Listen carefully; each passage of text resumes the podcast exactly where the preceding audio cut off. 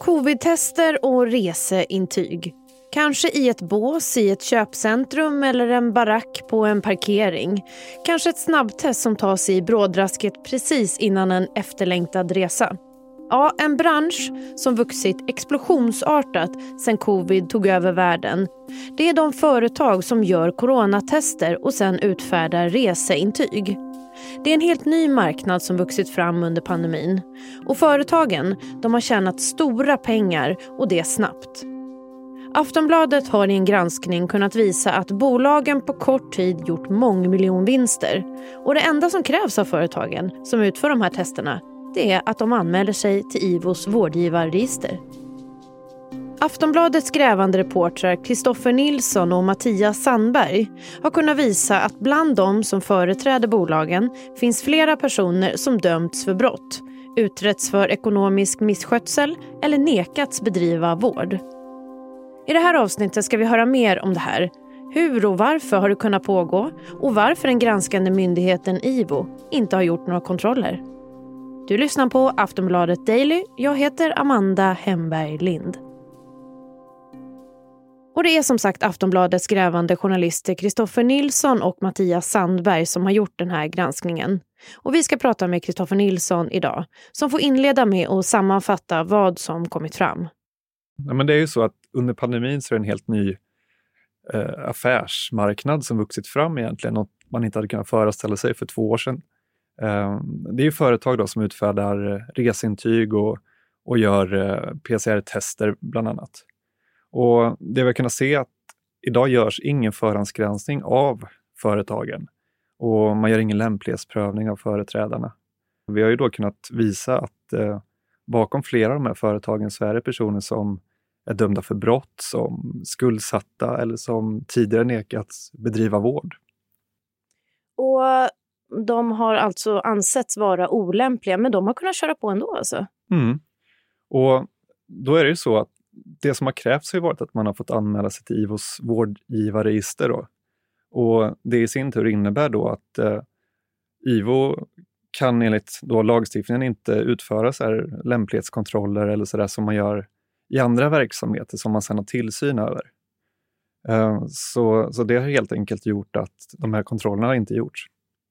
Men det är en växande bransch och det handlar alltså om det är resintyg och det handlar om PCR-tester och, och, det måste ha varit jättestort tryck där så de har haft att göra.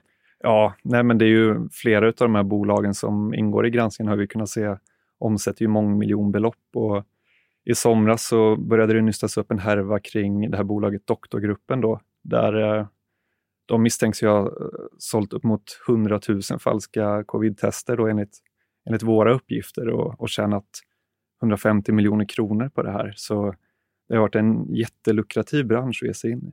Och då är det privata bolag som har kunnat komma, komma in här och slå sig in på den marknaden? Mm, och som framförallt riktat sig mot privatpersoner som ja, av olika eh, anledningar behöver ett intyg för att till exempel resa eller, eller visa att man är frisk på, på något sätt.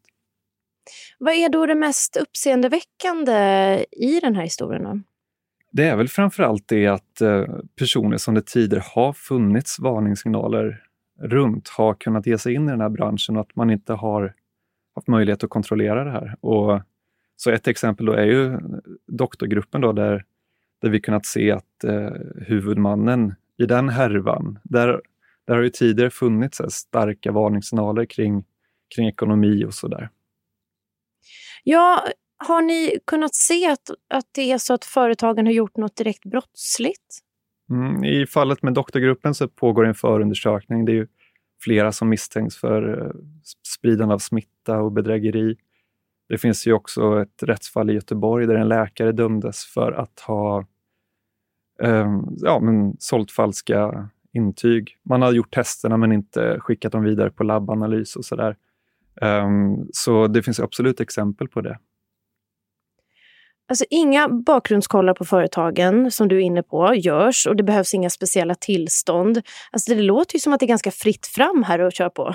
Mm, och det är väl det som mycket av kritiken handlar om och smittskyddsläkare som vi pratat med kräver ju att det borde införas hårdare krav eh, på vilka som kan hålla på med det här. Ni har eh, granskat ett ett 30-tal bolag i den här branschen. Ett av dem lägger ner nu med stora vinster och det är efter larm om falska intyg, eller hur?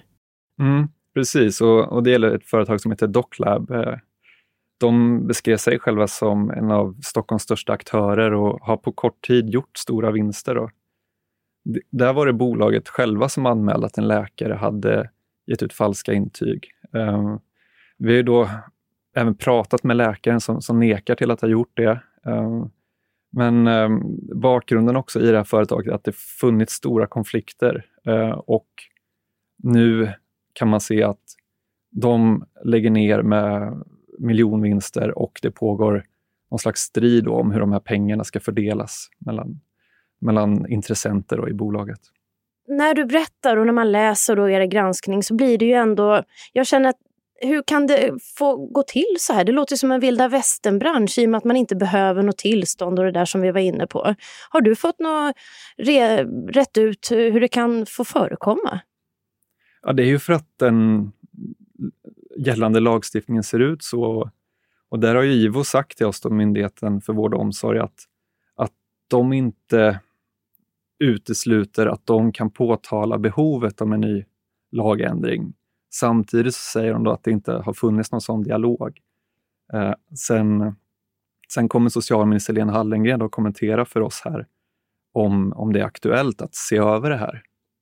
Men det verkar som att det skulle kunna vara aktuellt då? Hintar IVO om, eller hur tolkar du det? Nej, det är svårt att tolka det på det sättet, utan det man kan få från dem det är att det är inget som, ingen dialog som har varit. De har inte möjlighet att ändra något själv. Eh, så ytterst är det ju lagstiftarens eh, roll att, att ta tag i det i sådana fall. Men, men däremot flera smittskyddsläkare som vi har pratat om som, som har god insyn under pandemin och hur saker och ting har gått till. De har också nåtts av eh, uppgifter om oseriösa aktörer och, och aktiviteter eh, som, som verkligen tycker att det här måste ändras. Hur skulle det då kunnat undvikas? Är det lagstiftningen det kan vara fel på eller? Det är svårt att svara på om det hade kunnat undvikas med en striktare kontroll Eh, när en bransch uppstår så här ur liksom ingenting nästan och, och, det handlar om väldigt mycket pengar så det är klart att det kan locka till sig många oseriösa aktörer. Sen har man ju sett andra sammanhang där det har funnits de här kontrollmekanismerna på plats, eh, till exempel vid HVB-hem eller asylboende, där det trots eh, de här lämplighetsprövningarna också har visat sig finnas många exempel på, på aktörer som inte har skött sina verksamheter på ett bra sätt. På vilket sätt eh, kan man säga att det här drabbar oss medborgare? Ja, det är väl återigen det smittskyddsläkarna lyfter fram att i värsta fall, om oseriösa aktörer till exempel då inte utför testerna rätt eller att man inte analyserar dem eller att det är någonting i hela smittkedjan som blir skevt, ja, men då leder det till, eller det kan leda till en ökad smittspridning eller att det har liksom påverkat eh, spridningen då av en sjukdom som är, som är allmänfarlig. Men det är smittskyddslagen, då är det allvarligt? Ja, men det är klart det är, det är allvarligt. Det är ju, det här, allt det här är ju sprunget ur, ur pandemin och, och där har vi ju liksom tyvärr länge sett vilka konsekvenser den sjukdomen har. Hur kommer det sig då att eh, du och Mattias Sandberg valde att granska just det här? Ja, men det var ju framförallt där i somras när, när hela den här härvan runt doktorgruppen började rullas upp. Det var ju ett så pass exceptionellt fall ändå med tanke på uppgifterna om hur många som kan ha blivit drabbade och eh, vilka, vilka pengar det handlar om. Så det skapar ju ett intresse för oss att titta närmare på den här branschen och se liksom, vilka strukturer som finns och, och i vilken ja, i vilken verklighet det här har liksom skapats. Har ni stött på mycket motstånd eller har det varit lätt att få insyn i det här? Ja, det är ju privata bolag framför allt om, om man går in på just de här provtagarna. Eh, där har vi haft svårt att, att nå många. Vi är ju, det är väldigt många som har inte svarat på våra frågor. Eh, men samtidigt så finns det ju andra, andra vägar att gå. Vi har jobbat mycket med att titta på olika tillsynsärenden hos IVO och, och så. så att information och sådär har ju funnits tillgängligt, men att, att, få, att få svar eh, har varit svårt.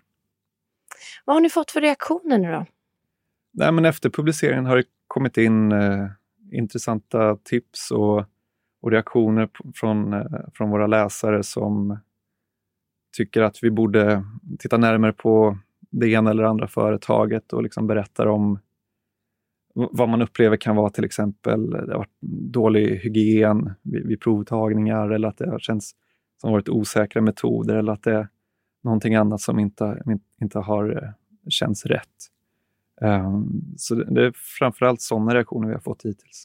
Myndighetshåll, politikerhåll? Ja, det är ju framförallt där vi ska se på vad socialministern, kom, hur hon kommer uttala sig där, Lena Hallengren, när vi, när vi pratar med henne lite senare. Tack så mycket. Tack.